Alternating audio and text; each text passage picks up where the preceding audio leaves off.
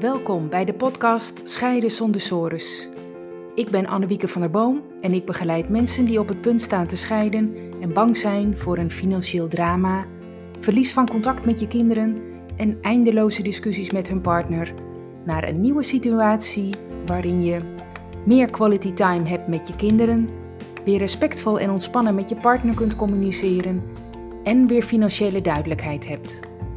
In deze podcast geef ik je informatie, tips en achtergronden die jou kunnen helpen goed door je scheiding heen te komen, met als resultaat weer plezier en energie om verder te gaan met je toekomst, voor jezelf en voor je kinderen. Dat is Scheiden zonder sores.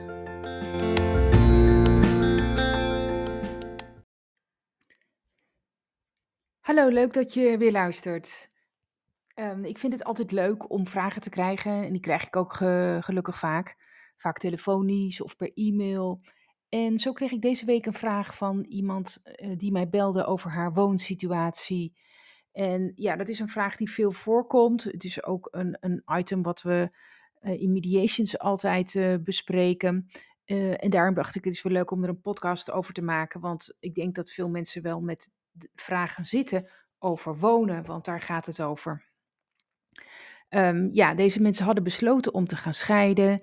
En ze waren ook van plan om hiervoor naar de mediator te gaan. Maar um, ja, ze zat eigenlijk even met de vraag van, nou, we wonen nu samen in één huis. Maar dat geeft best wel veel spanning. En ja, dat was best urgent.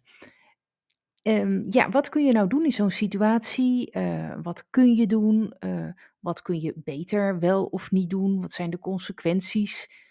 Is het wel verstandig om te vertrekken? die vraag krijg ik ook vaak. Of kun je misschien beter in het huis blijven? Geeft het jou een andere positie? En trouwens, wat zijn de financiële consequenties? Ja, nou, wonen en een huis is natuurlijk gewoon heel belangrijk voor iedereen. Uh, een huis dat je hebt, dat is een plek waar je graag thuis komt, waar je ontspannen kunt, um, waar je ook op je gemak voelt. En uh, waar je gewoon lekker kunt leven, samen met je gezin, met je vrienden. Uh, waar je fijn alleen bent, maar waar je ook fijn bent uh, met, met je gezin en met je vrienden. Maar bij een scheiding wordt dat ineens heel anders. Um, hè, het is niet meer zo ontspannen. want ja, je partner is er ook, of die is er ook heel veel. Ja, en daar heb je eigenlijk nu wel een beetje genoeg van. Of die partner irriteert jou steeds. Hè? Uh, of je raakt zelf getriggerd door wat hij of zij doet, of juist niet doet. Hè? Soms hoeft er maar een klein dingetje te gebeuren of um, er ontploft iets. Um, ja, dat was eerder helemaal niet zo. Dan ging je gewoon lekker prettig met elkaar om. Maar ja, nu wel. Het is gewoon niet ontspannen meer. En uh, ja, misschien uh, is het voor jou ook zo dat je eigenlijk liever niet zoveel meer thuis wilt zijn. En um, ja, dan ga je vaak wat meer um, buitenshuis uh, blijven, wat meer bij je werk of wat vaker langs bij familie of vrienden of sport. En dat is ook heel begrijpelijk. Um, ja, bij een scheiding zijn er altijd uh, eigenlijk twee periodes, zo, zo zie ik dat. En die bespreek ik ook altijd met mensen als, uh, als ze met, bij mij een mediation traject volgen. de eerste situatie uh, is de situatie nu. Dus eigenlijk voor de periode voorafgaand aan de mediation en voor de periode dat de mediation loopt en je nog bezig bent met elkaar om alles te gaan regelen. Dus met het hele mediation traject. En dan zijn jullie aan het onderzoeken wie in het huis kan blijven wonen, of dat het verkocht moet worden, uh, wat dat betekent, hoe dat financieel moet en waar je ook zelf gaat wonen of waar de ander gaat wonen. Nou, dus daar ben je inhoudelijk mee bezig, maar ook qua tijdsplanning. En dat is eigenlijk de tijdelijke situatie. En die duurt totdat de hele scheiding rond is en jullie ook allebei in het eigen huis wonen, waar je dan ook voor langere tijd blijft. En um, dat kan dus uh, voor een van jullie het oude huis zijn, het gemeenschappelijke huis, waarbij de andere partner dan een nieuwe huurwoning of koopwoning gaat bewonen.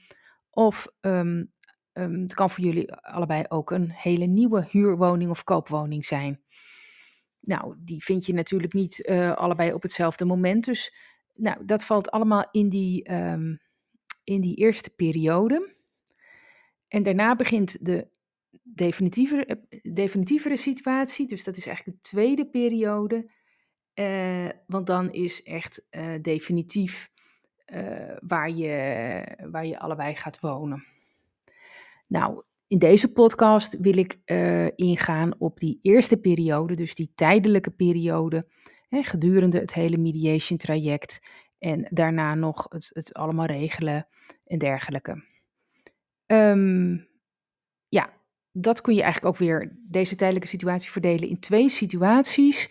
Eigenlijk heel simpel. Of je zit samen nog in één huis, of um, een van beiden die uh, is vertrokken voor tijdelijk. Nou, eerst um, de situatie waarin je samen in één huis woont. Ja, hoe doe je dat? Hoe hou je dat vol? Um, ga ik zo nog even wat over zeggen. Um, ja, wat is het nou het voordeel als je allebei in hetzelfde huis blijft wonen? Ja, het voordeel is natuurlijk voor de kinderen dat het gewoon heel fijn is dat jullie allebei nog veel in huis zijn.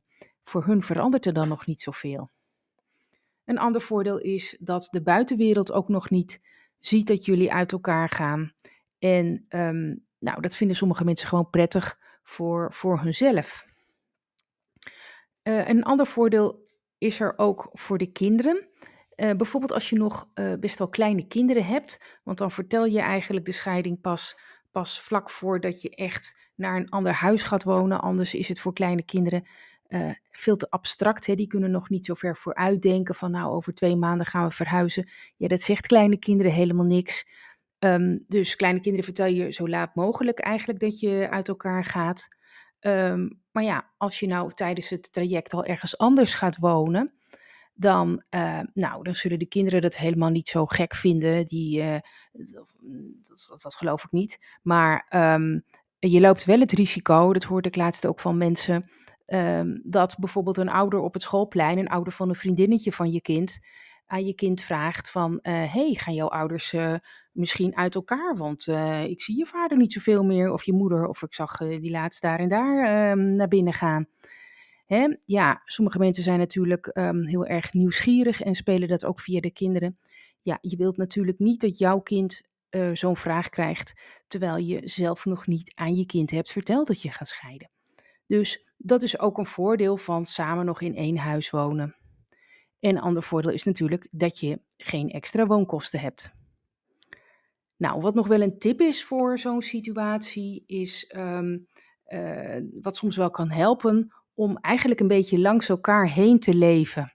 Dat klinkt misschien gek, maar um, ja, dat doen veel mensen wel. Bijvoorbeeld uh, hè, dat de ene avond dat ik ga sporten en dat de andere avond mijn partner gaat uh, sporten of bij vrienden langs gaat of daar ook blijft eten. Eigenlijk een beetje om en om, zodat er wel uh, natuurlijk een ouder thuis is voor de kinderen. En dat is dan eigenlijk een bewuste keuze.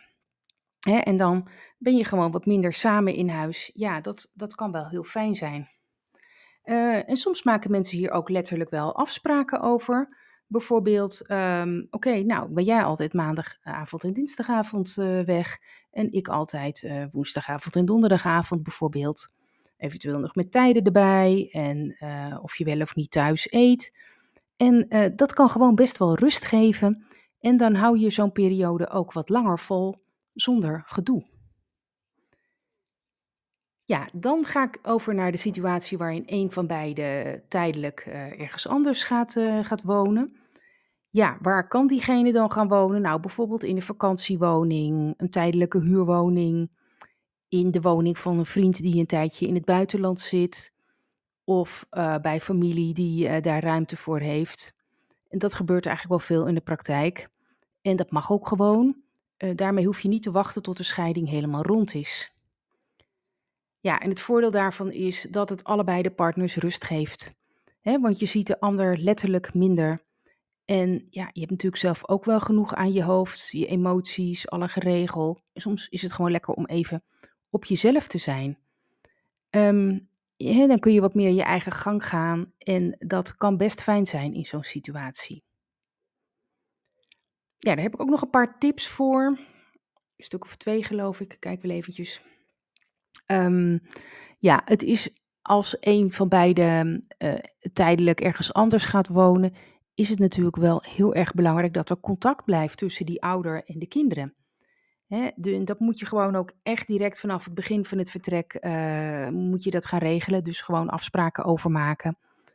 En um, ja, als de ouder die vertrekt op, op, op, in die vakantiewoning of, of op die woonplek de kinderen niet kan ontvangen omdat die plek bijvoorbeeld te klein is of niet geschikt.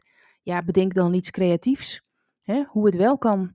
Um, soms kan bijvoorbeeld um, uh, de, de, de, de, ouder die vertrekt toch nog wel uh, op, op bepaalde contactmomenten mensen in het, op, momenten uh, in het gemeenschappelijke huis contact hebben met de kinderen. Hè? Daar maak je dan gewoon afspraken over. En de andere ouder is er dan niet. Dus dat is wel heel belangrijk. Zorg gelijk dat er regelmaat komt in het contact tussen de vertrekkende ouder en de kinderen niet denken van, ach, we zien wel over een paar weken. Nee, dat is voor kinderen gewoon veel te lang. Um, ja, en een andere tip is ook um, dat je wel afspraken maakt over de financiën. vaak kost het, uh, als, ja, als die tijdelijke woonplek geen geld kost, dan, uh, nou, dan ben je snel klaar. Maar als dat wel geld kost, als de huur voor betaald moet worden, dan is het wel verstandig om te bespreken hoe je dit financieel doet kan het en wie betaalt dat? En wie betaalt trouwens de lasten van de gemeenschappelijke woning? Hoe doen jullie dat concreet voor deze tijdelijke situatie? Ja, dat waren eigenlijk mijn tips hierover. Um, ja, ik hoop dat je er wat aan hebt hieraan en dat het je kan helpen om, ja, om de goede keuzes te maken. Tot slot heb ik nog even een vraag aan je. Als je deze podcast luistert via Apple Podcast, dan vind ik het uh, eh, super fijn als je een review wil geven door middel van de sterren onderin. Um, die vind je op de beginpagina van de podcast. Dat is eigenlijk de pagina waar je al die afleveringen onder elkaar ziet staan.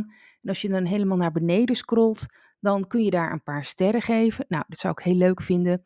Of je kunt een review geven, gewoon met een eigen tekstje. Ook heel fijn als je dat wil doen. En uh, ja, dat maakt het bereik van de podcast groter. En dat vind ik heel fijn, want dan kunnen nog meer mensen hier hun voordeel meedoen.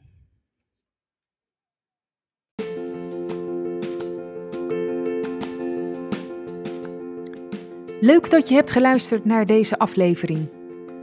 Ben je benieuwd naar meer? Abonneer je dan op deze podcast. Dat kun je doen door bij Apple Podcast op het plusteken rechtsboven te klikken en dan zie je volgen. Bij Spotify door linksboven op volgen te klikken. Wil je meer weten over mijn full service mediation? Bekijk dan mijn gratis video, waarvoor je je kunt aanmelden via mijn website annewiekebemiddeld.nl. Tot de volgende aflevering.